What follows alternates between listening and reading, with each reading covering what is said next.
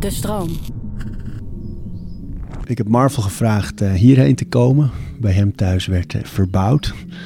En dat is vooral voor hem zelf lastig. Uh, hij is autist. Dus die afleiding die zou hem in het gesprek echt dwars zitten. Dat was een reden om hem hier naar de boerderij te halen.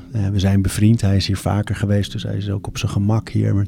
Ik heb eerlijk gezegd getwijfeld of hem in de serie, omdat het is veel. Het is heel moeilijk het te introduceren, want je wil niet meteen met al die labels werken. En toch, het is autisme, het transgender, prijswinnend fotograaf, hij is nog maar 25. Dus je begrijpt dat dat eigenlijk voor zo'n podcast dan ook wel heel erg kiezen wordt. Maar tegelijkertijd, ja, het is gewoon een heel mooi mens. En uh, iemand die heel erg hecht aan structuur en aan gewoontes. Dus ik wilde hem er toch wel heel graag bij hebben. Op het moment dat ik dan borsten ging ontwikkelen, toen had ik echt zoiets van, maar dit, dit, hoezo krijg ik dit? Dit klopt niet. was ik helemaal verbaasd. En het moment dat ik ongesteld werd, dat waren voor mij eigenlijk allemaal momenten dat ik dacht van, maar dat had ik niet verwacht dan of zo. Of dat, uh, ik voel me gewoon echt niet oké in mijn lichaam. Wat is een mens zonder houvast in zijn manier van leven? En ieder heeft een handvat en eigen rituelen. Orde in je hoofd zodat alles te overzien is. We praten over routines. Wat er dan gebeurt is dat de spanning dan heel erg oploopt. En ik dan bijvoorbeeld zelfs op mijn hoofd zou kunnen slaan. Maar dat gebeurt dan zo snel dat ik daar ook niet echt controle over heb. Ik zei recent nog tegen een uh, vriendin en een goede vriend. Dat ik een jaar geleden eigenlijk ook niet had gedacht dat ik er nu nog zou zijn.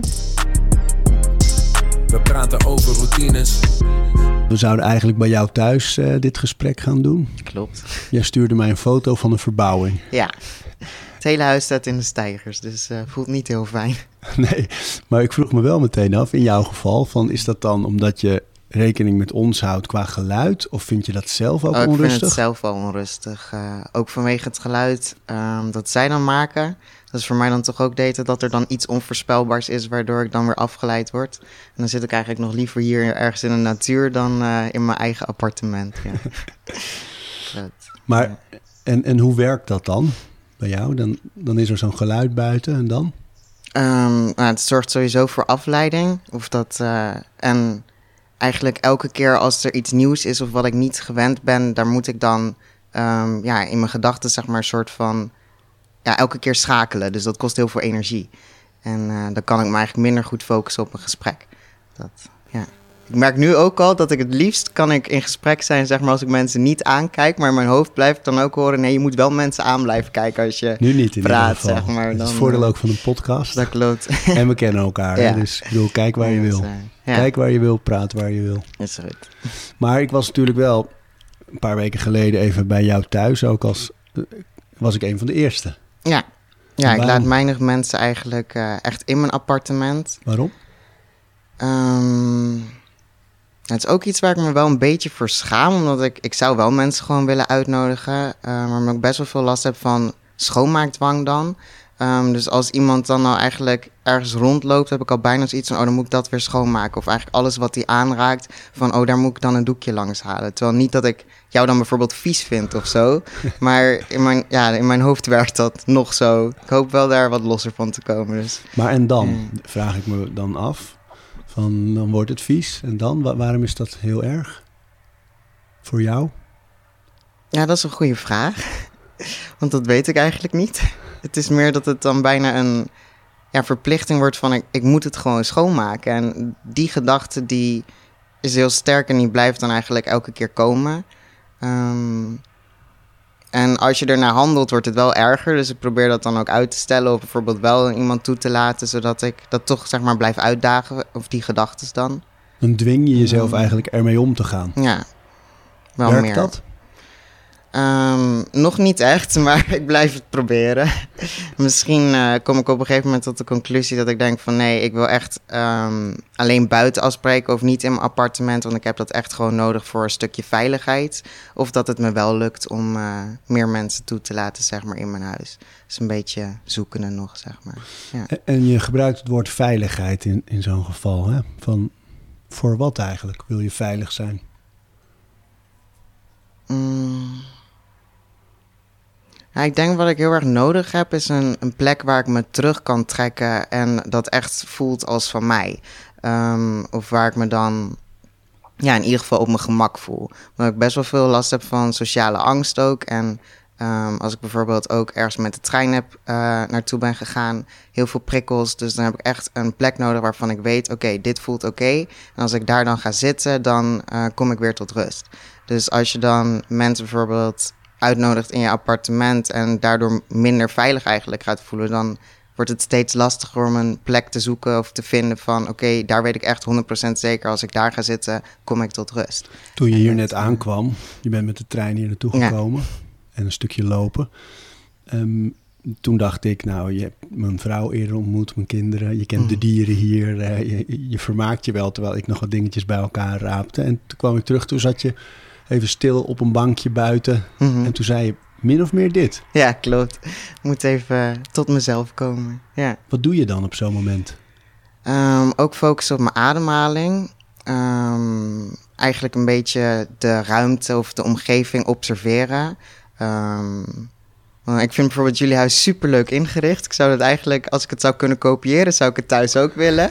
maar zo lukt me dat niet. Maar het zijn ook best wel veel prikkels. Dus dan, als ik het zeg maar eerst rustig observeer of bekijk, um, ja, dan raak ik daar een beetje aan gewend. En dan kan ik wel makkelijker bijvoorbeeld in gesprek. Of, maar ik heb echt eerst even nodig dat ik uh, ja, de omgeving ja, bekijk. Want wat gebeurt er als je dat niet doet? Uh, als ik echt van de ene in de andere uh, setting, zeg maar, spring als het ware, raak ik heel snel overprikkeld.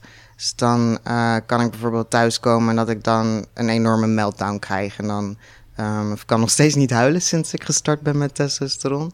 Um, maar wat er dan gebeurt is dat spanning dan heel erg oploopt. Um, en ik dan bijvoorbeeld zelfs op mijn hoofd zou kunnen slaan. Maar dat gebeurt dan zo snel dat ik daar ook niet echt controle over heb. Maar dat zijn geen dingen die ik wil. Dus om dat te voorkomen, probeer ik echt bewust te worden van mijn ademhaling. Als ik ergens zeg maar ben. Um, ja, en echt te ontspannen. Ja.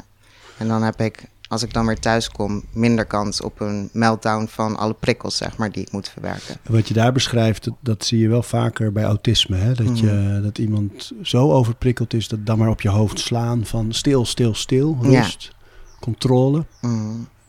Hey, en, en ja, je, je, zei net even tussendoor iets ehm, wat natuurlijk wel ook weer een vraag oproept.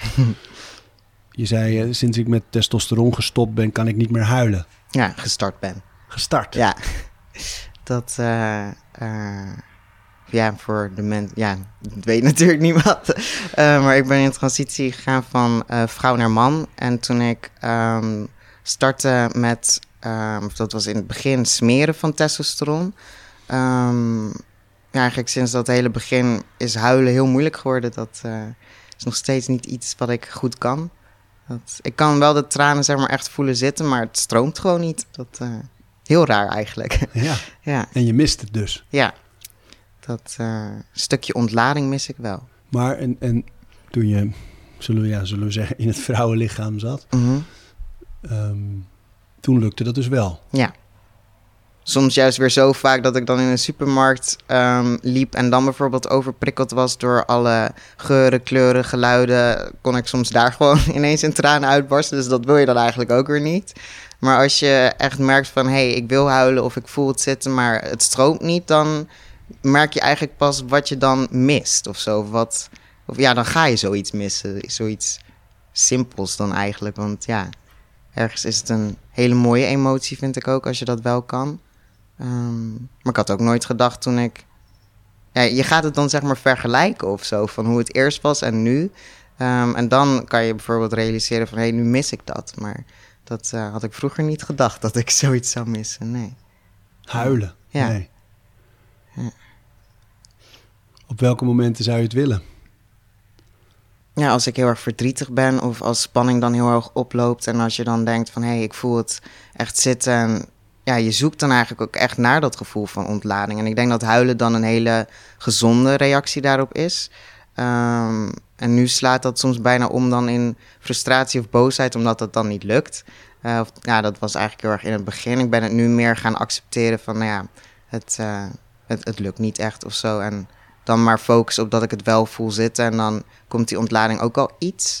Um, maar ja, dat, dat echt doorvoelen, zeg maar, dat, eh, nee.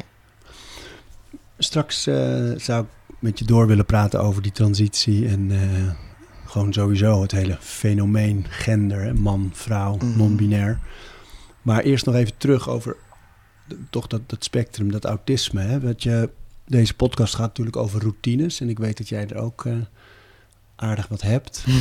Zo, zo mogen we eens gewoon je dag doorlopen. Ah ja, is goed. Je staat op. Eh, ik ben meestal eh, heel vroeg wakker. Hoe vroeg? Ehm, nou, vannacht heb ik niet geslapen. Toen was het twee uur s'nachts. maar gelukkig kan je dat eh, aan mij niet zien. Of ik wel of niet slaap. Ehm, Maar waarom niet? Zijn spanningen dan? Ehm, ja, dan ben ik ook aan het nadenken bijvoorbeeld over de treinreis. Van, ehm, want ik ken het, station dan zeg maar niet goed. En dan weet ik wel waar ik naartoe moet lopen. Is het druk in de trein? En dat, die drukte kan je wel redelijk opzoeken. Ehm, zeg maar in de app bijvoorbeeld van is het druk in de trein of niet met dat aanmelden. Ehm, maar ja, vooral omdat ik dan de omgeving niet goed ken... ehm, geeft dat dan toch al spanning of zo. Van ja, kom ik, kom ik daar wel goed of zo?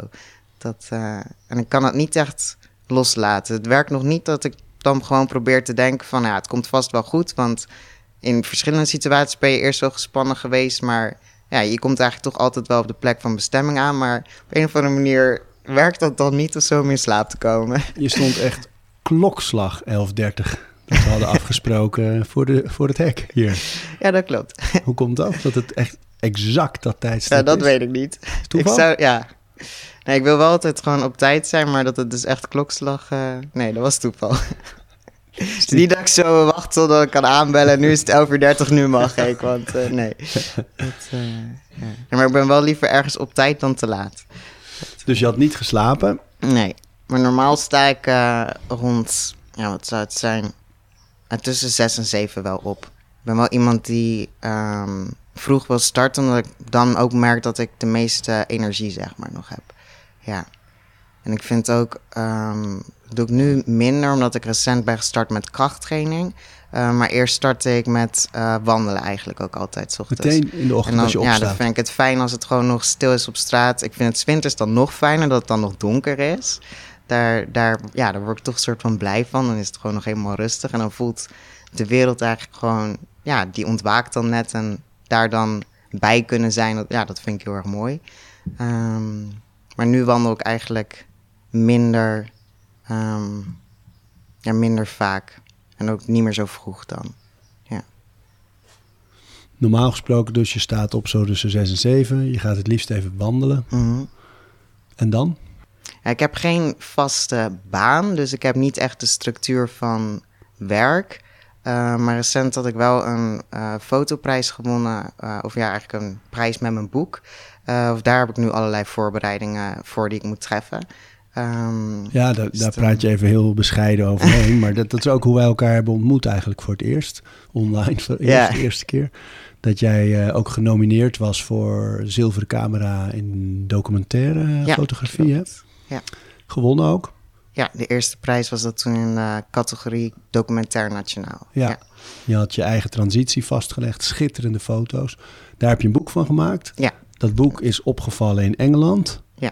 En nu heeft een gallery in Londen gezegd: wij willen een expositie en we gaan dat boek opnieuw uitgeven. Zeg um, het zo goed? Bijna. Um, het ja, is je een... moet op je woorden letten. Het moet exact zijn. Hè? Ja, het is de Mac First Book Award, of zo heet dat. Uh, en Mac is dan een uitgeverij. En eigenlijk als je die um, prijs, die wordt jaarlijks uitgereikt. En wat je dan wint, uh, is dus dat zij het boek dan uh, ja, in een grotere oplage of überhaupt gaan uitgeven. Uh, en um, dan een samenwerking met de gallery. en dat je dan tijdens de boeklancering een expositie hebt. Dus dat is, het zit eigenlijk gekoppeld aan Mac en niet aan de galerie. Ja, dat, tof. ja. Veel van die foto's staan ook op je Instagram, hè, als mensen benieuwd zijn. Gewoon at Marvel Harris. Ja, klopt. hey, ja. we zitten nog in je dag. Ja. Dus uh, nu heb je dan dat als werkproject. Ja, dus daar ben ik dan um, ja, druk mee bezig met alle dingen die ik daarvoor moet voorbereiden. Het is nu weer iets rustiger en dat vind ik eigenlijk ook wel fijn. Uh, want toen ik net hoorde dat ik die prijs had gewonnen, je zou dan denken, dan ben je heel erg blij.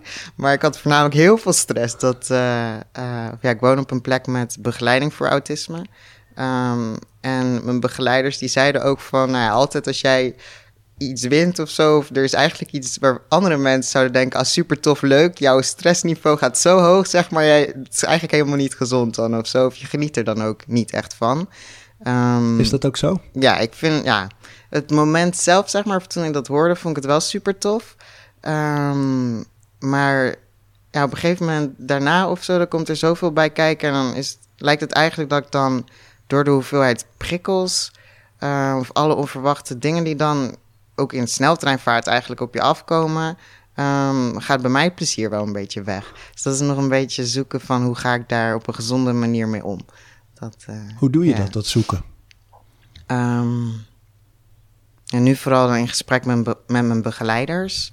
Uh, of die helpen mij daar wel goed bij ja, we plannen eigenlijk meer momenten echt van rust in. Zodat ik echt even stilsta. En uh, ben ik niet zo goed in namelijk. Als ik eenmaal doorga en een soort van hyperfocus zit, dan kan ik ook moeilijk stoppen. Um, dus ja, zij helpen me dan echt even een, een ja, hoe noem je dat? Eigenlijk je gedachten meer laten gaan. En niet uh, daartegen vechten of zo, maar meer van oké, ze zijn er en um, ja, ze gewoon er te laten zijn. Dat is eigenlijk gewoon meditatie, hè? Ja. Vind ik wel uh, een van de... Mensen denken heel vaak dat je uh, dat moet kunnen of zo. Mm Terwijl uiteindelijk is het stil zijn, observeren wat er door je hoofd gaat. Je hebt soms mensen die dan ook roepen van... ja, ik kan niet mediteren, want ik kan niet stilzitten. dat is nou juist de reden om het te gaan doen. Ja. Dat betekent eigenlijk gewoon dat je niet durft je eigen leven onder een loep te nemen. Maar jij doet dat dus heel veel. Ja. Voortdurend heb ik het gevoel. Ja, dat klopt wel. Te veel? Misschien ook. maar, uh, het afgelopen jaar ben ik er wel veel mee bezig geweest. Aan het begin van de coronaperiode zat ik nog um, in een best wel heftige depressie. Um, ik zei recent nog tegen een uh, vriendin dat, uh, en een goede vriend um, dat ik een jaar geleden eigenlijk ook niet had gedacht dat ik er nu nog zou zijn. Maar dat ik nu echt de laatste drie maanden, denk ik, echt behoorlijk grote stappen ook zet voor mezelf. En uh, ook echt blij ben dat ik gewoon kan zeggen van hey, ik ben wel trots op mezelf. Het ja, voelt ook echt wel goed om te kunnen zeggen, zeg maar. Ja, gaat open als je het zegt. Dat, uh, dat had ik gewoon dan niet verwacht of zo. En dan, ja, als je dat gewoon voor jezelf dan kan zeggen, dat, dat voelt wel fijn. Dan, uh, ja. ja. En waar zit het hem in, in zo'n depressie, dat je op zo'n moment even denkt, ik wil er niet zijn? Wat, wat raakt je dan zo diep? Ja, ik wist gewoon niet hoe ik mee moest komen eigenlijk dan in de maatschappij. Omdat ik dan merkte dat ik me eigenlijk continu dan um, ja, probeerde aan te passen aan nou, wat is meer normaal of zo. Uh, of daar een heel erg zoekende was. Um, of, uh, want nu vind ik bijvoorbeeld ook fijn dat je veel minder aankijkt. Maar dat is eigenlijk ook dit jaar pas dat ik daar steeds meer naar ben gaan luisteren van nee, dat kost me echt ook veel meer energie. En als ik iemand aankijk, dan ben ik heel erg bezig van maar wat vertellen die ogen dan nu? Of ja, ik vat dat dan, of ik weet dan niet zo goed wat een oog bijvoorbeeld precies zegt. Dus dan ben ik daar heel erg mee bezig. Um, en ja, dat soort processen, dat kost gewoon heel veel energie. Dus was continu, als ik dan bijvoorbeeld thuis kwam van een werkdag, was ik heel erg moe. Um, en ja, eigenlijk continu het gevoel van op je tenen lopen. En door um, corona en eigenlijk de rust die daarmee kwam. In het begin vond ik dat heel erg lastig. Um, omdat toch ook weer schakelen was van, nou, nu ineens staat alles stil. Uh, maar op een gegeven moment begon ik daar echt de voordelen van in te zien. En merkte ik ook um, dat ik eigenlijk echt heel erg op mezelf ben. Het ook veel fijner vind om alleen te zijn. Um, en dat ook echt heel erg nodig heb. en dat heeft mij ook wel geholpen om ja, tot rust te komen en uiteindelijk nu ook beter in mijn vel te komen zitten. Weet je wat mij eraan opvalt? Dat, dat ik denk, je bent een, een redelijk uniek persoon uh, met mooie talenten. Je hebt ook best veel om handen. Uh, kan veel. En je bent altijd maar aan het analyseren hoe iets hoort. Ja. Terwijl ja, de meest interessante mensen zijn toch juist ook vaak de mensen die de dingen niet doen zoals ze horen, maar op hun eigen koers volgen mhm. en helemaal niet nadenken over zo moet je dat doen of hey, hoe, hoe doen anderen dat? En dat, denk je dat je daar los van kunt komen? Um, ja, dat merk ik dan nu de laatste drie maanden wel meer. Ehm, en ik denk ook wel dat nu, ja, door thuis zitten, omdat je dan dus best wel op jezelf bent. In het begin was dat eh, ook heel erg confronterend, omdat ik heel erg ging nadenken over een stukje pestverleden en er dan gedachten omhoog kwamen en nou, ook tegen bepaalde trauma's dan weer, um, of die werden eigenlijk meer getriggerd. Um, maar ja, daar leer je dan op een gegeven moment toch ook wel weer meer mee omgaan. Uh, dus ja, ik denk eigenlijk, ik denk wel dat ik er losser van kan komen. En ik merk nu bijvoorbeeld ook de laatste drie maanden als je echt kijkt van ja, wat heb ik nodig om me goed te voelen? En als je daarop focust en daar ook naar handelt. Um, dus ook bijvoorbeeld toch vaker nee durft te zeggen. Of um, als iemand iets vraagt, maar je vindt dat heel erg lastig dat je dat gewoon uitspreekt. Um, ja, dan, dan voel je je ook gewoon zeker, zeg maar. Dus dan, ja, dan komt er automatisch ook iets van rust, denk ja. ik. Ja. En hoe reageren mensen erop in je ervaring? Uh, eigenlijk wel goed. Ja, hè? ja, dat, uh... ja, het scheelt ook wel echt waar ik zeg maar dan... Of ja, daar woon ik nu ook. En ik merk ook juist door uh, met andere autistische mensen te zijn... dat ik daar de ruimte voel ook om... Ja, eigenlijk dan dingen die veel mensen dan gek zouden vinden of zo, die zijn daar toch gewoon normaal. Of iedereen die, ja, dat maakt allemaal niet zoveel uit. Dus de plek, zeg maar, waar ik nu woon, heeft ook wel heel erg bijgedragen aan de groei.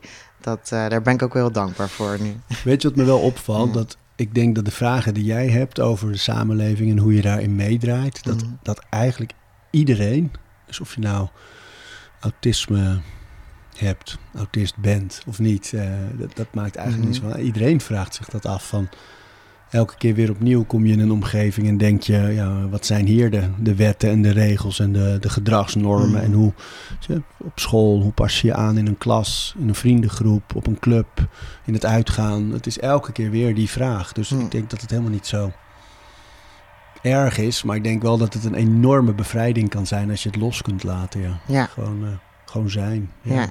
ja dat klopt. Ja. Hey, en terug naar je dag. Dus je bent dan met werkdingen bezig. Mm um, eet jij op vaste tijdstippen? Uh, het is niet strikt uh, bijvoorbeeld 8 uur of strikt 12 uur. Daar was ik vroeger wel wat meer star in. Um, maar ja, wel redelijk vaste tijden. Ik uh, ontbijt nu tussen. ja, ik denk nou, dat het nu trouwens wel echt op half negen zit. Dus dat is dan wel weer heel vast. Um, en ja, over het algemeen wel. Ik zou het zelf wel als gezond omschrijven. Ik hou wel van heel verse producten, zeg maar. En uh, zo weinig mogelijk toevoegingen. Dus meestal iets van havermout of uh, yoghurt met havermout en fruit, noten. Dat soort uh, dingen. Lekker. Waar jij ook wel van houdt. Ja, ja, ja. ja, ja. En daarna ga ik altijd aan het werk. Uh, of soms ga ik dus eerst schoonmaken, maar dat probeer ik dus wat losser te laten, want dat is heel erg dwangmatig. Uh, want op een of andere manier heb ik de overtuiging dat als mijn huis opgeruimd is, dat ik dan dus pas goed kan werken. Maar mijn huis is eigenlijk altijd wel opgeruimd. Ik wou net zeggen, ik kwam uh, op bezoek en ik vond het een hele strakke. Ja, het mag wel wat weinig. losser eigenlijk, vind ik zelf. Dus dat is ook, ja, wat ik zeg, als ik dan jouw interieur zeg maar bijna zou kunnen kopiëren naar mijn huis, dan zou ik het ook wel oké okay vinden. Maar dat zelf bijvoorbeeld ook iets echt eigen maken of uh, ja, langzaam je ergens thuis gaan voelen of zo, dat heb ik als kind al heel lastig gevonden. Ik, ik kan dat niet zo goed. Is het bij jou bij het autisme ook zo dat je um, niet impulsief kunt zijn? Nee, maar ik denk dat het ook wel een beetje een, een misvatting of een, een clichébeeld is, denk ik, over autisme. Ja? Net zoals um, bijvoorbeeld dat, dat wordt wel vaak gezegd of gedacht, uh, helemaal niet gevoelig zijn. Maar ik denk dat de meeste, of als ik kijk ook naar um, andere bewoners, eerder overgevoelig zijn of zo dan ondergevoelig. Maar bijvoorbeeld ook gewoon niet goed weten van, oké, okay, dan kijk je bijvoorbeeld naar een persoon en je registreert wel van er is iets of zo, maar het vooral lastig vinden van ja, maar wat is het dan precies, zeg maar? Wat voelt die ander dan precies? Dus dat je eigenlijk heel veel prikkels juist ervaart of dingen waarneemt, maar niet kan verbinden aan een bepaalde emotie of gevoel of um, ja, die koppeling maken gewoon lastig vinden. En uh, ja, dus, maar dat is ook met impulsiviteit, ik kan wel ook impulsief zijn hoor. Ja. Maar wel meer als het vanuit mezelf komt. Ehm, als iemand anders nu zou vragen van uh, kom we gaan nu naar de stad of zo, dan zou ik heel erg moeten schakelen. Maar ik zou het wel zelf kunnen voorstellen. Ja, dat, oké. eh, zeg maar, ja. ja. Maar dus bijvoorbeeld uh, dat wij afspreken voor dit gesprek en dat ik weinig informatie vooraf aan je geef, dat mm. vond je niet lastig? Uh, nee, omdat ik je ken ook wel. Anders zou ik het ook wel, anders zou ik het wel lastig vinden. Ja. Ja? Ja. En zeg Want, je er dan wat van? Um, ja, ik denk dat het als het, dat zeg maar een begeleider altijd, je moet het jezelf zo makkelijk mogelijk maken.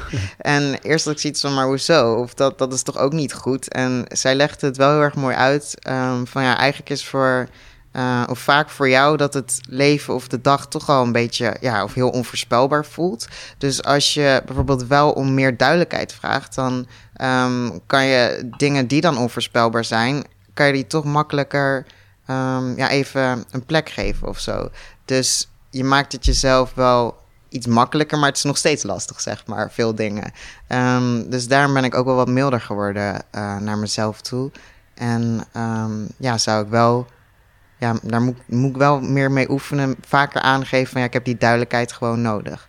Dat, uh, en daar toch om vragen. Ja, want ja. we hebben eens eerder afgesproken dat ik zei van, uh, of dat je hierheen kwam en dat ik dan zei van, uh, ja, van, van 11 tot 1 of zo. Mm -hmm. En dat je het dan aangaf ook dat je het fijn vond dat het een afgebakende tijd ja, was. tijd, klopt. Ja. Dat, anders zit ik heet het van, maar wat is dan een normale tijd om weg te gaan of zo? Of wat, ja, daar ben ik dan de hele tijd in mijn hoofd eigenlijk mee bezig. Met, ja, met de tijd dan. Heel vaak met hoe het hoort, ja. hè? Dat, dat, uh, wat er verwacht wordt. Ja. Ja, ik denk dat dat dus toch te maken heeft met dat ik het lastig vind om dat aan te voelen of zo ook. Dus het helpt mij dan wel voel je om... het wel? Ik bedoel, voel je iets of... of heb je een idee erover en denk je, is dat wel het juiste? Of, of heb je helemaal niks? Voel je helemaal niks daarbij? Bijvoorbeeld zoiets met de tijd. Hè? Dus Mhm. je, je bent ergens, dan gaat in jouw hoofd zitten van wat is nou een goede tijd om weer... Wat is acceptabel? Gaat er dan door je hoofd, denk ik? Ja, ik voel niet goed, ik ben nu aan het nadenken. Ik voel niet goed of bijvoorbeeld een ander het dan te lang vindt of niet. Ik heb wel dat ik het um, zelf al snel te veel vind. Maar het dan ook lastig vind om bijvoorbeeld uh, na een uur te zeggen van ja, ik ben nu Oh. al zo moe of zo. Het, ja. lukt niet meer of zo. Want Echt dan ben ik dan bijna bang dat de ander zou denken van dat het dan aan die persoon ligt. Maar dat heeft dan gewoon echt met de hoeveelheid prikkels zeg maar te maken. Of dan, uh, ja. En dan zou ik, of hier, hier heb je echt gewoon heel veel natuur. Dat is gewoon echt super fijn. dus dan. Uh, Je hoort voel, het ook, hè? Ja. Toe een briesend paard of... eh, dan voel je al gewoon meer die ruimte ook en zo. Dus daar, op zo'n plek kan ik ook al langer zijn dan als je verjaardagen sla ik het liefst over, zeg maar, van mensen of ook van familie. Dat, uh, nee, dan is het ook vaak te veel mensen. Ja, kon door corona niet meer. Vond ik dat ergens ook wel dus weer voordeel. Um, maar ja, dat zou ik dus wel snel overslaan dan eigenlijk, ja. Ja, ja, corona kwam eigenlijk best wel met veel voordelen op een gegeven moment dan. Aan het begin had ik dat niet zo, ja. En um, over de routines in je dag, hè? want ik heb het gevoel dat je best wel op een redelijk gebruikelijke manier eigenlijk door de dag rolt. -hmm. En toch, als ik in jouw eigen omgeving ben en je een beetje ken, heb ik het gevoel dat je ook heel veel standaard dingetjes hebt die je altijd op dezelfde manier doet of wil doen. Het is grappig, want ik had het hier wel ook heel even met mijn begeleiders over. Die zegt van, ja, jij hebt zoveel routines. Toen zei ik van, maar als je me dit dus nu zo concreet vraagt, blokkeer ik. Dan is Ja? het echt een soort van leeg, dat ik denk van, hè, maar wat voor routines heb ik dan? Ik merk wel, als ik van mijn routine dan dus afwijk... eh, dan voel ik zeg maar pas van, hé, hey, ik heb inderdaad een routine... en daar moet ik ook echt aan vasthouden, want anders start ik gewoon niet goed. En dat is dan dus bijvoorbeeld wel vroeg opstaan... Uh, eigenlijk moet ik ook als ik opsta wel direct gaan douchen. Als ik bijvoorbeeld eerst koffie neem en dan pas ga douchen, dan merk ik al dat ik moeilijker opstart of zo. Dus dat is eigenlijk iets heel erg kleins. Um, of als ik niet, um, als ik bijvoorbeeld, ja, ik ben over het algemeen toch wel een slechte slaper. Um, als ik dan na het douchen denk van, nou, ik trek alleen eerst mijn broek aan, mijn t-shirt komt later wel, ik trek nog even mijn badjas aan of zo dan merk ik ook al dat ik daardoor de rest van de dag daar last van heb. Dus ik moet echt gelijk ook mijn t-shirt dan aantrekken of zo en niet daarmee wachten. Ik moet ja, dat toch wel vasthouden. Vaste volgorde. En, ja, en anders moet ik daar gewoon ja, veel te veel over nadenken of zo. Terwijl als, je dus, als ik daar dan aan vasthoud, dan um, ja, kom ik de dag eigenlijk gewoon gemakkelijker door. Dus dat uh, is los van hoe ik me voel, moet ik dat gewoon wel blijven doen dan. Dus dan merk je wel echt van, oké, ik heb wel echt een vaste routine daarin. En je avondroutine als je, als je naar bed gaat, na het eten? Is ook wel zoekende geweest. Ja, echt het afgelopen jaar daar wel heel erg, ja, daar gelukkig ook wel de tijd voor gehad om dat meer te oefenen. Uh, sowieso mijn telefoon op vliegtuigstand eigenlijk altijd als ik naar bed ga. Ik probeer ook mijn beeldschermtijd voor het slapen gaan um, te minderen. Lezen is eigenlijk niet iets dat ik doe. Um, maar ik vind het wel fijn om de gordijnen op een. Ja, gisteren was het bijvoorbeeld 9 uur, doe ik dan toch de gordijnen al dicht. Ook al is het buiten nog licht. Um, kaarsjes vaak wel aan. Echt een soort van: oké, okay, ik ga zo naar bed, zeg maar, dat gevoel een beetje op te wekken. Ja. En slaap je dan wel snel in? Nee, ook niet.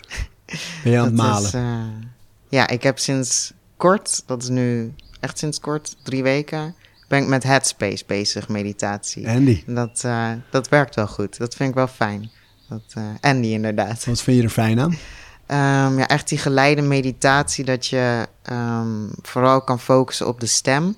Ja, eigenlijk dat er direct wordt gezegd ook dat bijvoorbeeld als gedachten komen, dat ze er mogen zijn of zo. Dus je wordt er echt in meegenomen. En als ik dat bijvoorbeeld zelf dan probeer, een bodyscan ook, dan merk ik dat ik veel sneller afdwaal dan als dat echt door een stem verteld wordt. Maar dan lig je dus s'nachts wel veel wakker nog, ondanks, uh, ondanks die voorbereidingen. Ja, maar dat heeft denk ik nu dan vooral te maken met het winnen van die prijs. En dan dat ik, um, ja, wat ik zeg maar zelf qua regie kan nemen, dat doe ik ook. Of als ik dan een vraag heb of zo, dan mail ik dat wel. Maar je bent natuurlijk ook afhankelijk van andere partijen wanneer ze reageren. Dus uh, dat stukje samenwerken vind ik dan lastig. Dat, uh, ja. En daar lig je dan over na te denken. Ja, Moet dit nog? Dat kan ik dan niet uitzetten. Dat, uh... hey, en de transitie die je zo mooi hebt vastgelegd.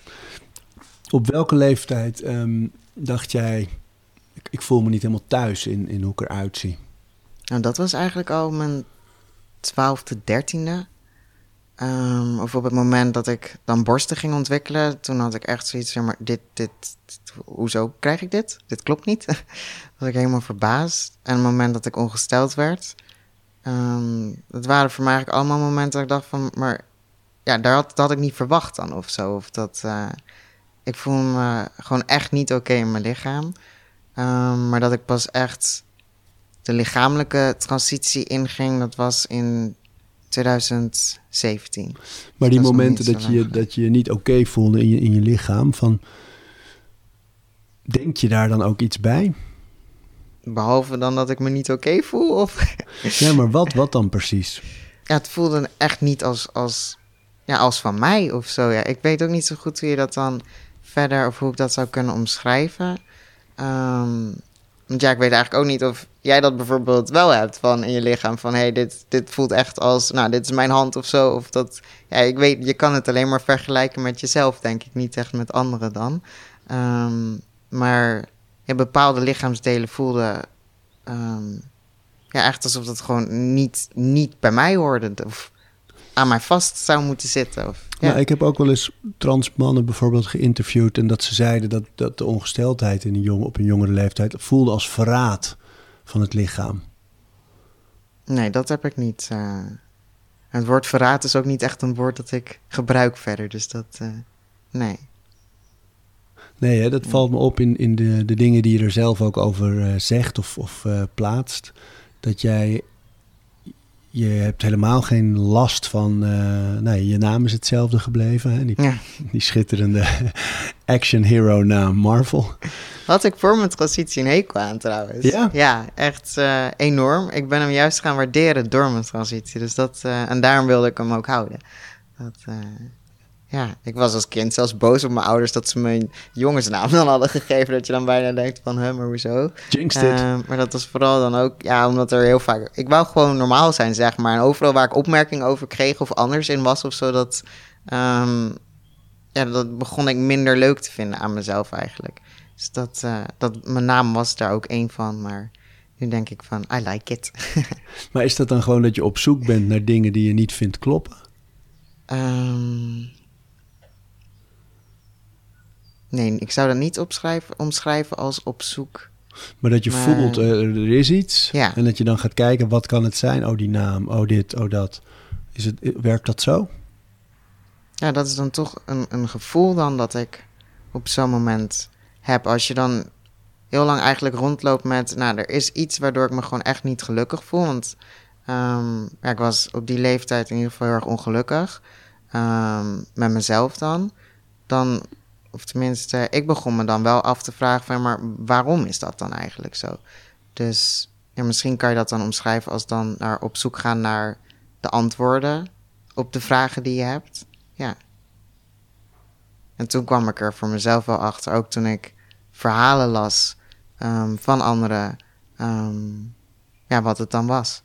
En dat begon eigenlijk met eh, zoeken van, ja, ik voel me eigenlijk geen man en geen vrouw, want dat had ik eerst heel sterk. Ehm, ik had daarvoor nooit van genderidentiteit gehoord of non-binair, of dat waren allemaal nieuwe woorden voor mij. En daar kwam ik eigenlijk, ehm, of ja, daar leerde ik over door een vriendin uit Zweden nu. En ehm, eh, ook iemand in Nederland die daar ook gewoon al heel erg in thuis was in die termen. Ja, daar ben ik ook nog steeds dankbaar voor dat ze dat mij hebben verteld en hebben gedeeld. En toen ja, viel eigenlijk kwartje voor mij. ja. Want dat zijn dan dingen die je leest. Maar weet je nog een, een specifiek stuk of een specifiek interview of iets wat iemand zei waardoor je dacht, ah, dat is het? Of was het het geheel? Ik denk voornamelijk de ervaring dat ik mijn eerste ehm, jeans kocht op de mannenafdeling. En dat dan aantrok en eigenlijk een soort van euforisch gevoel dat dan kwam van... hey, maar hier voel ik me veel stoerder in of zo. Terwijl het was niet eens heel... Ja, was wel iets verschil, maar je hebt ook wel losse broeken bijvoorbeeld. ehm, als je het wel echt zou categoriseren dan meer voor vrouwen. Ehm, maar toch gewoon dat ik toen op die mannenafdeling rondliep en dacht van... hé, hey, maar ik kan hier gewoon kleding kopen en ik kan dit aantrekken... en ehm, daar maar gewoon veel zekerder in voelde... ja, dan maak je die koppeling of zo ook steeds meer. En dat je denkt van nee, ik voel me echt geen vrouw. Ehm, maar ik heb nu trouwens ook niet van ik voel me echt man. ja, ik ben misschien dan niet het, als je het dus wel echt zo labelt, het typische mannenplaatje of zo. Wat als je dan een man zou omschrijven, nou, daar voldoe ik dan vol, ja, niet qua karaktereigenschappen misschien aan. Eh, mijn vader zou namelijk echt denken van nou, een man huilt niet, hoort ook niet of zo. Zeg maar, die heeft dat heel erg zo inge... Dat gedeelte Eh, klopt. Ja, dat wel dat het inderdaad niet kan. Maar ik vind wel, als je dat zeg maar wel zou kunnen echt, dan denk ik van ja, ik vind dan, ik vind dan niet iets, iets vrouwelijks of zo dan huilen. Ik vind ja, dat is gewoon Ik een niet, emotie en dat, dat mag er gewoon zijn. Tuurlijk. En eh, Maar je Maar- zit hier ook met, eh, met een baard. ja, Baardje. Eh, ja, daar ben ik wel ook blij mee dan. ja, Dat, eh, dus daarom was ook dat die gedachte van spijt of zo, dat, dat ging ook weer weg. Want ik zou, als ik nu ook foto's terugzie van ehm, vroeger, denk ik van nee, dat echt niet. Dat, eh, maar ik bedoel eigenlijk Nee. ook van, jij zegt het, van ik, ik heb misschien niet die karaktereigenschappen, er komt een kat op tafel, Kees, van een man, maar, Mm. maar die heb je wel. Weet je, je ziet eruit als een man, je hebt eh, mannelijke eigenschappen. Ja, wat is Mm. mannelijk, vrouwelijk? Vraag je eigenlijk ook altijd meteen af, hè, dan als je het daarover Mm. hebt. Van, eh, vroeger waren die, eh, die typeringen veel meer ge- ja, gelabeld eigenlijk. Hè. Het Mhm. was heel, een hele duidelijke verdeling. En je had daadkracht en leiderschap was typisch mannelijk. klopt. En, de man ging ook van huis en de vrouw bleef thuis. Dat is allemaal ouderwets natuurlijk. En inmiddels is dat helemaal, loopt het allemaal door elkaar. Want we doen allebei allebei. Ja. Dus Ja, ik vind dat mooier eigenlijk juist. Ik zou willen dat die labels gewoon veel minder, eh, ja, veel minder waarde of zo zouden hebben. nou, Dat, en, en eh, kijk, je noemde net het woord non-binair. Is dat wat je je nu meer voelt? ja, als ik het dus echt, ja, ik voel me vooral mens, maar Ja. dat eh, als je, ja, dan anderen zouden dat dan misschien wel ook meer zo omschrijven. Nou ja, dat, Dat, is het. eh, Anderen ja. hebben kennelijk de behoefte om er een, een, Ja. eh, een labeltje aan te hangen. Hè? Maar dat heb, je hebt zelf dus helemaal niet het gevoel dat je man moet zijn of vrouw. Ja, ik merk ook wel dat ik naar de buitenwereld dan toch wel, ehm, ja, zeg ik dan ook wel meer non-binair. Ehm, maar ik denk, en ook bijvoorbeeld autist. ehm, maar dat is ook omdat ik bijvoorbeeld soms die taboes weer dan uit wil. Dus dan heb ik nog wel het gevoel van als je het nu nog wel een label geeft of daar dan over praat, ehm, ja, dan ga je die taboes weer misschien meer uit of zo. En dan wordt het uiteindelijk wel meer dat iedereen gewoon meer mens is en iedereen verschillend is. Want ehm, dat is, iedereen is gewoon verschillend. Ook als je het soms dan hebt over autisme, dan wordt ook gevraagd, huh, maar ja, autistisch of zo. Dan denk ik van, ja, maar dan is er dus een of ander clichébeeld. Maar net zoals dat jij van een vrouw dan bijvoorbeeld van iemand anders ook ja, de ene heeft lang haar, de andere heeft kort haar. Dat iedereen is gewoon zo anders. Dan heb je met autisme ook gewoon heel veel verschillen. Dus dat, uh, ja, ik denk iedereen is in de kern vooral ja, uniek, eigen en mens. En maakt het dan nog uit, ben je wel eens verliefd? Nee, ook wel lang getwijfeld. Ik dacht eerst um, twijfelde ik van ja, of val ik misschien toch meer op mannen of.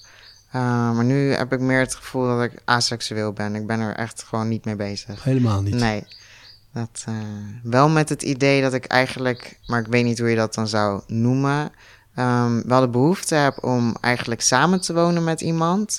Um, maar dat je wel eigenlijk allebei je eigen bed hebt. Uh, eigenlijk ook wel eigen badkamer. Eigenlijk, maar wel een soort van samenleeft of samen dingen kan doen. Dus samen eten als je daar behoefte hebt. Maar je ook echt terug kan trekken eigenlijk. Maar geen behoefte aan dat, fysieke uh, intimiteit? Nee. Nee, dat niet. Vind je ik zoek meer een soort van maatje of zo. Dus dat... Uh, nee, maar ik heb die behoefte gewoon niet. Dat... nee. Maar het is wel, ja, of jammer. Nou, ik vraag het omdat het ook een vorm is van verbinding natuurlijk. Hè? Dat ja, je... daar zit ik nu inderdaad, dat, of die komt er, als je dan dus vraagt, vind je dat jammer? Denk ik wel ook van, um, ik worstel wel best wel veel met eenzaamheid, zeg maar. Dat uh, is wel iets wat ik dan lastig vind en daar ook nog wel zoekende in ben, want ik, ik ben wel graag op mezelf. Um, maar ik heb ook behoefte aan contact. Dieren vind ik trouwens, contact met dieren vind ik over het algemeen fijner dan met mensen. uh, maar bijvoorbeeld ook als ik ergens kom, als ik wel naar een verjaardag ga, dan als ik daar voor mezelf het meeste plezier uit zou willen halen, dan ben ik eigenlijk voornamelijk stil. En dat is dan niet omdat ik niet durf te praten of zo. Um, dus je me eenmaal iets vraagt, kan ik best wel lang lullen, denk ik. Maar dan is het toch meer, ja, ik word dan blijer of zo van het observeren van anderen en meer op een afstandje kijken dan me echt mengen in zo'n gesprek of zo. Maar soms, um, ja, met familie zijn ze dat nu wel meer gewend, dus daar merk ik ook wel die ruimte. Um, als ik dat met vrienden had, dan was het meer van maar ja, Marvel zegt nooit wat of zo. Of dan, en dan val je er toch weer een beetje buiten of zo. En dan, Terwijl je fotograaf dat, uh, bent. Ja. Observeren is je vak. Op zich. ja, dat klopt. Ja. Vind je het lastig dat uh, mensen wel altijd op zoek zijn naar die labels? Ja, waar ik bijvoorbeeld zelf tegenaan loop en die stap durf ik ook nog niet goed te zetten. Uh, was bijvoorbeeld een serie op Netflix. Um, die keek ik toevallig met mijn ouders. Nou, daar droeg dan je dus zo zou omschrijven, een man een rok. Uh, en mijn vader had gelijk zoiets van eeuw of zo. En toen zei ik, want dat voel ik ook echt zo, van... Nou, ik zit er soms ook wel eens over na te denken om dat gewoon een keer te doen. En toen was het alleen maar van, no comment. En dan denk ik van, nou, dit is duidelijk van, je vindt het echt helemaal niks. Maar... Uh, And it's not that I don't like it, just no comment. En toen dacht ik ook van, nou, laat maar. Maar dan voel je dus wel heel duidelijk van, dat vader... is niet iets voor mannen of zo. Dat vindt hij dan heel erg. Hij is Amerikaan, uh, Ja. Dus die, hij praat ook geen Nederlands. En... Uh... Deze aflevering van Overroutines wordt aangeboden door Squarespace. Een alles-in-één platform waar je je eigen website kunt bouwen en beheren. Het maakt niet uit of je producten, diensten of je passie met de wereld wil delen. Het kan allemaal bij Squarespace. Ik noem even kort drie handige functies van het platform. Met het ontwerpsysteem kan je makkelijk je website vormgeven en het helemaal eigen maken. Squarespace analyseert hoe je website presteert en wat er voor nodig is om je bedrijf online verder te laten groeien. En ook kan je abonnementen en exclusieve content aanbieden aan betalende leden. Start nu je gratis proefperiode via squarespace.com slash overroutines.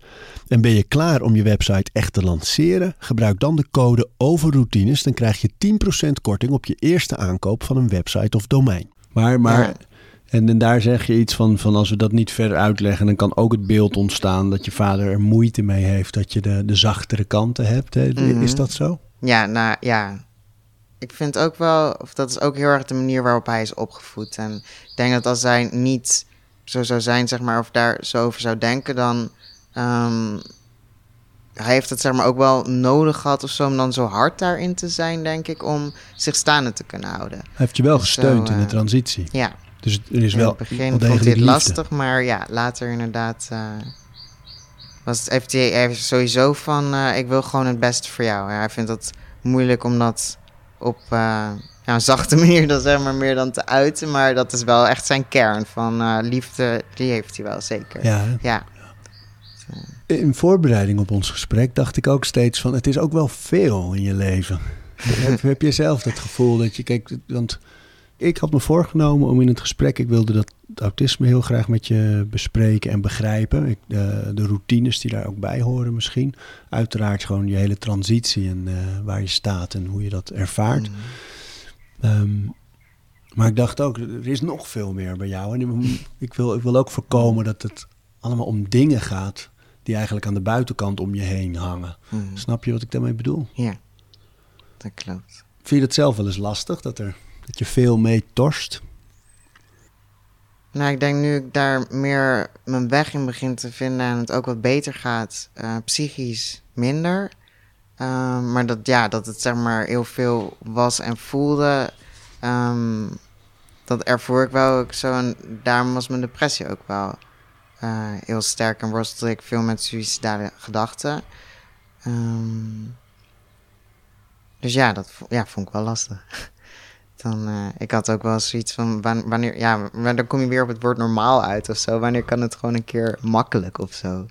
En als jij je voorbereidt op zo'n gesprek, of als je erover nadenkt, als dat we nu voeren, wa- wanneer is het voor jou eh, fijn? Dat, waar hoop je eigenlijk op? Oh, ik heb nu echt losgelaten, zeg maar, zo'n hoop of iets. Dat, eh, ik ga er dan gewoon blanco in. Ik, maar als ik me daar helemaal op ga vastpinnen of zo, dan, dan komt er geen gesprek. Nee? Dus dat, nee. Ik zeg altijd tegen mezelf van ja, ik kan, of überhaupt met een gesprek, als je vanuit jezelf vertelt, kan je eigenlijk niks fout doen. Dus dan, eh, dan zie je wel wat er komt, zeg maar. Los van, dan. van fout of goed natuurlijk, denk ik ook van je hebt wel, je hebt, een, je hebt toch ook altijd wel een boodschap. Weet je, in de foto's die je laat zien, de uitingen die je doet.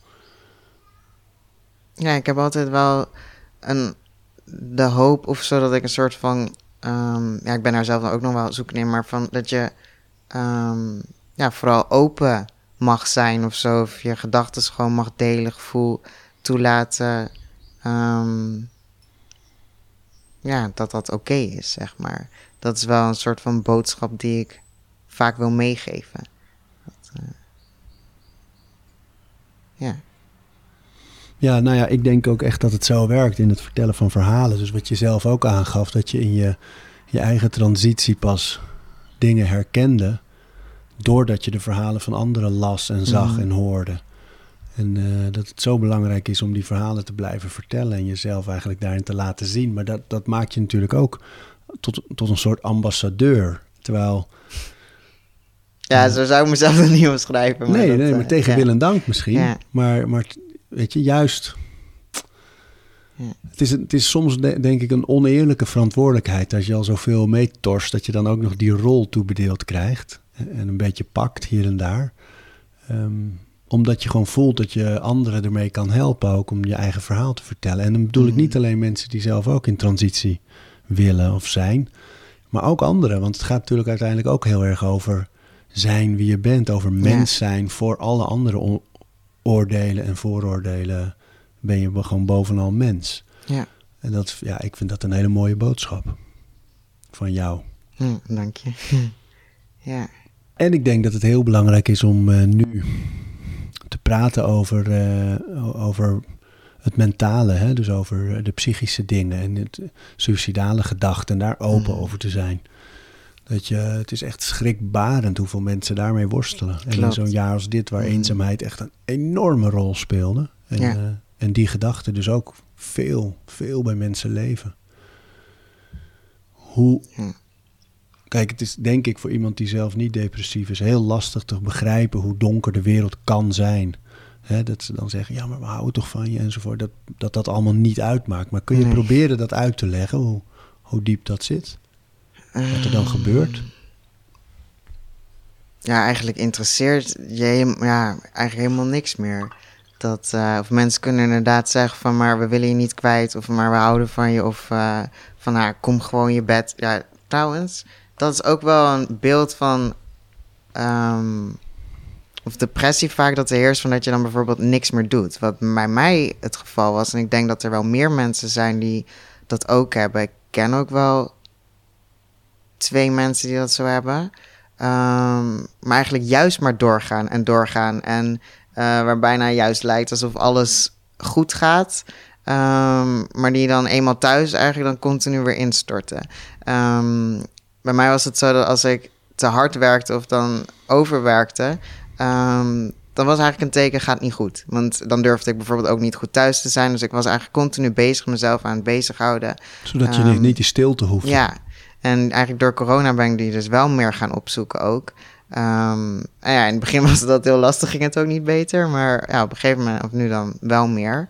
Ehm, maar ja, dat is ook wel een beeld waarvan ik denk van, oh, dat moet toch wel anders of zo. Of ik hoop wel dat mensen daar ook anders naar leren kijken. Of dat als iemand dan ook aangeeft van, ehm, het gaat psychisch echt niet goed, dat er dan niet alleen gekeken wordt van, nou, maar ik vind dat je er wel goed uitziet of zo. Of van, eh, ja, maar dan denk ik van, luister dan meer naar de woorden of zo. Of hoe iemand dat omschrijft, hoe die zich voelt, dan, dan toch je oordeel te baseren op hoe die persoon zich presenteert. Want dat kan zo uit elkaar liggen, echt. eh, ja, die verhalen die lees je gelukkig ook wel steeds meer. Dat mensen bijvoorbeeld wel zeggen van ja, ik maak me gewoon op dan bijvoorbeeld. ehm, ondanks dat ik me heel erg slecht voel. Want dat geeft mij bijvoorbeeld dan nog net even iets. eh, een gevoel van ehm, ja, oké of zo. Of een, of een goed gevoel over de hele dag. En als ik dat ook niet doe, ja, dan ga ik helemaal bergafwaarts of zo. Maar als de andere mensen een oordeel gaan baseren, zeg maar, over hoe die persoon er dan uitziet, ja, dan dat, dat werkt niet. Ehm, maar je hoort, ja, het is wel schrikbarend inderdaad hoe, hoeveel mensen er nu worstelen ook met suicidaliteit. En ja, het- is gewoon meer echt gewoon een gevoel van, ik, ik wil er niet meer zijn en het maakt gewoon allemaal niet meer uit. En ja, je bent gewoon doodop eigenlijk. of dat had ik dan vooral. Wat is nou voor jou de reddingsboei op zo'n moment? Of de reden dat je toch besluit te blijven leven? Ik heb heel veel aan de steun van mijn moeder eh, gehad ook en nog steeds. Ja, en op een gegeven moment kwam er, en daar hebben we het eigenlijk helemaal niet over gehad, maar daar, ik, daar heb ik nu echt de afgelopen drie maanden dan wel veel stappen in gezet. Nog steeds met een eetstoornis worstelde ik nog steeds mee. Ik was heel erg ja, een zoektocht naar passende hulp daarvoor, maar ik werd eigenlijk overal afgewezen. Want dan kon het weer niet samen vanwege of genderdysforie. En toen zei ik, maar daar heb ik helemaal geen last van. Maar dan kijken ze dan dus toch in een dossier. En is het van, ja, maar dat stempel staat er of zo. En wij weten daar niks van af, dus we kunnen je niet helpen. En ik ja, maar ik heb daar geen probleem mee. Dat spreek ik uit. Maar dan toch wordt er dan echt, ja, dan wordt er dus heel erg gefocust op zo'n label. Ja, ik werd eigenlijk overal afgewezen. En op een gegeven moment ehm, had ik wel iets van, nou, dan moet ik dus echt zelf die angst echt doorgaan. Ehm, en ik had bijvoorbeeld een bepaalde overtuiging dat. ehm, of nou, mijn wens was wel om wat. En daarom ben ik nu gestart met krachttraining. Ik spring echt van hak op de tak, geloof maar dat. eh, ehm, of ik startte met krachttraining. En ik dacht van, maar ik wil resultaat zien, maar ik zie maar geen resultaat. En eh, toen las ik dus weer die ervaringsverhalen van anderen. dat je echt meer moet eten dan. En ik had zoiets, nee, nee, ik ga wel resultaat zien als ik gewoon hetzelfde blijf eten. En nog steeds geen resultaat. En nog steeds niks. En ik dacht van, maar dit werkt dus niet. Dus toen dacht ik van, de enige manier om daarachter te komen... is toch echt meer gaan eten. En eh, die stap heb ik toen gezet. En tot mijn grote verbazing kwam ik niet gelijk heel erg veel aan. Terwijl die overtuiging had ik dan zeg maar wel. Daar was je al die En tijd dan- bang voor ja. natuurlijk. Dus, ehm, en die, dat kwam dus niet uit. Dus dan zit je wel van, hè? Soort van mindfuck of zo. En toen dacht ik van, hé, hey, maar ik voel me eigenlijk hierdoor ook wel wat beter. En ik vind eigenlijk ook dat ik er beter uit begin te zien. En ja, eigenlijk alles waar je een soort van bang voor bent of zo, komt dan niet uit. Ehm, Mooi, ja, dat, ja, dat helpt dan heel erg om dan... ja, eh, maar mooi, ja. want dat is precies Mhm. wat je zo vaak hoort. Dat men, de angst is altijd het grootst op het moment dat Ja. het nog niet realistisch is. Hè? Dus dat, dit is altijd iets wat je in je hoofd enorm maakt. En als je er dan op afgaat en hem in de bek kijkt, Ja. Ja, dan overwinnen. Verliest hij zijn kracht. Ja. Dus het is precies een voorbeeld daarvan eigenlijk. Mooi, hè? Ja, en heel blij ook dat ik Ja. dat... eh, maar ik denk dat ik daarom ook pas het gevoel ervaar van dat ik trots ben. eh, ook wel op mezelf. Dat, dat krijg ik ook wel eens van andere mensen te horen. Maar ja, het stukje eetstoornis, daar praat ik eigenlijk dan niet heel veel over. Ja, bewust eigenlijk ook niet meer. Eh, ik begon me daar eigenlijk steeds meer voor te schamen sinds ik in transitie... ehm, toen, ik, ja, toen ik in transitie ging, voelde het heel erg van... maar mannen hebben geen eetstoornis of zo, dus nu moet het klaar zijn. Of dat was een beetje een soort van overtuiging die ik had. Er bestaat veel hoor, eh, fenomenen. ja. Ook in de sportwereld. Vormen van controle natuurlijk gewoon. Klopt. Alleen mannen komen minder snel in klinieken terecht en zo eh, dan, dan meisjes of dan vrouwen. Maar ze zijn er veel hoor. Ja. ja, dat denk ik ook wel. Ja. Ook meer dan dat er over gesproken wordt. Ja joh. Eh, ja. En ja, Maar ja, daar praat ik er niet veel over. Dit, dit, dit hele betoog was eigenlijk op de vraag van hoe, hoe, wat was voor jou de reddingsboei, hè? de reden dat je dan bleef leven. Dat is dus eigenlijk Ja. wel die angsten aangaan en, en accepteren dat ze er zijn, in de bek kijken en er doorheen. Ja. Ja. Ja, met steun dan wel van anderen. Maar je moet het inderdaad zelf doen. Mooi hoor. Dat, eh, niemand anders kan het voor je doen. Dat. En dat gevoel heb ik ook altijd wel gehad. En dat is, vond ik soms ook wel lastig of zo. Of dan gaf ik dat aan van ja, ik weet dat ik het zelf moet doen, maar ik weet niet zo goed hoe of zo. Dus ik was dan wel op zoek naar bepaalde eh, tools of zo, of handvatten. Om van ja, wat moet ik dan precies doen? Ehm, nu ben ik dan wel gestart met een personal trainer. En merk ik ook dat ik daardoor dan toch een soort van ja, die handleiding of dan een routine eigenlijk krijg je dan misschien aangeleerd. Eh, dat heb ik wel nodig. Dat, eh, maar dan uiteindelijk doe je het toch zelf. Dus dat eh, ja. kan ik alleen maar hè? aanraden. Ja. Hij, hij was verbaasd over hoe sterk je Ja. was. Ja, die zei van, ik kan wel ervaren, in, of ja, zien ook dat je ehm, ja, toch wel ook thuis hebt getraind. ehm, maar je ziet het niet, zeg maar, nog aan je. En Hij was er echt verbaasd over, dus dat vond ik wel heel erg leuk. En toen zei ik ook van, ja, ik moet ook gewoon echt meer eten. Ik zei al, dat is echt een heel groot probleem. Maar ik weet ook wel dat ik de techniek op zich wel goed uitvoer. Dus eh, ja, dat, ja, dat geeft leuk, ook wel een kick. trainen. Ja, dat eh, ben ik ook heel blij, omdat ik überhaupt weer plezier vind in sport. Want dat was er eigenlijk heel lang niet. Omdat ik altijd dat dan deed om te verbranden eigenlijk. Maar eh, sport kan zo fijn zijn. Ja, man. Ja, dat is... eh, ja. Mooi, hè? hey, en, en als jij, kijk je wel eens vooruit hoe je zou willen dat je leven eruit ziet?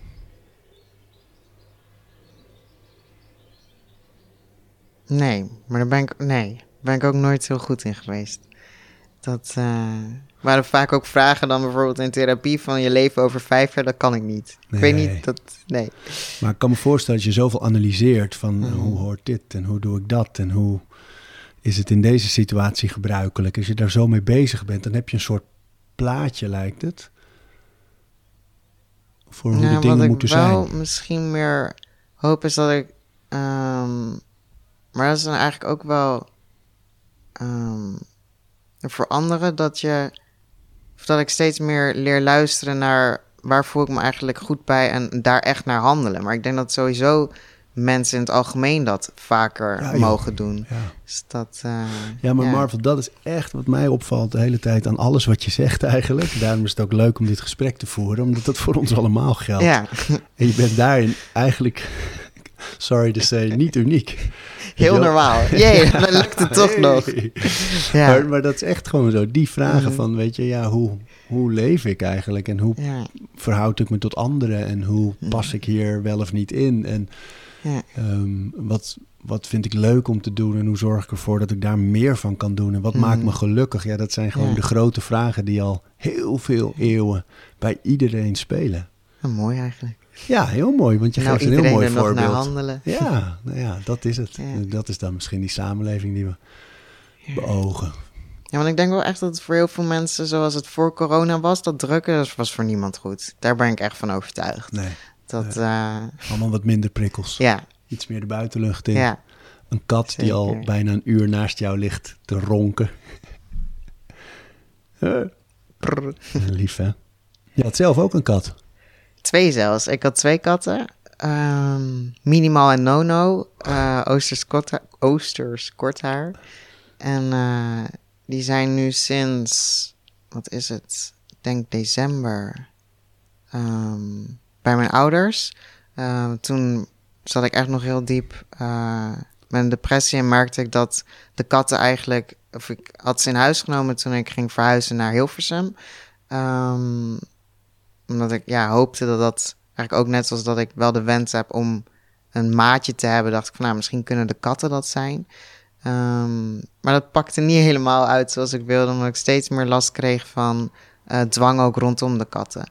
Um, dus als ze dan op de vensterbank liepen, dan zag ik dan de poot afdrukken en dan werd ik daar heel erg onrustig van. En ja, ik probeerde daarmee om te gaan, maar dat lukte helaas niet. En, Waar zijn ze nu? Uh, bij mijn ouders. En ik ben echt heel dankbaar dat dat kon. Eerst was het tijdelijk, uh, maar ze zijn zo aanhankelijk, eigenlijk net zoals ook jouw katten, dat mijn ouders zijn echt helemaal verkocht. en dat mijn vader ook zei van, maar ik wil helemaal geen nieuw adres of zo, ze blijven maar hier, zeg je maar. mag zo ook Dus- niet meer terug als je wil. Nee, nou, het was op een gegeven moment echt zo dat het was van, maar als ze nu teruggaan of zo, ik ga ze missen. Dus dat is wel, uh, ik ben eigenlijk ook wel blij dat ze daar nu kunnen zijn en Dat ze het goed dat hebben. ik, dat ik ze ook nog zie, zeg maar, dat wel. Want ik zou ze wel echt missen als ze helemaal niet meer in mijn leven zouden zijn. Nou, je kan altijd Ja. hier even de katten komen aaien. Ja, En de paarden. de horses. Yes. Dankjewel. Dank je. Fijn. We praten over routines. Dankjewel voor het luisteren. En voordat je weer doorgaat naar andere dingen, wil ik je nog even wijzen op Over Inspiratie. Dat is het mailtje dat ik elke donderdag rondstuur met drie tips. Dingen waar ik zelf veel aan gehad heb. Kunnen producten zijn, artikelen die ik gevonden heb online, onderzoeken, eh, Instagram-accounts, podcasts, boeken, van alles eigenlijk. En ik denk dat je daar zelf ook veel aan kunt hebben. Dus vind je het leuk om dat mailtje elke week te ontvangen? Dan kun je je opgeven op ariboomsma.nl onderaan de pagina. Dan krijg je voortaan elke donderdag in je mailbox over inspiratie.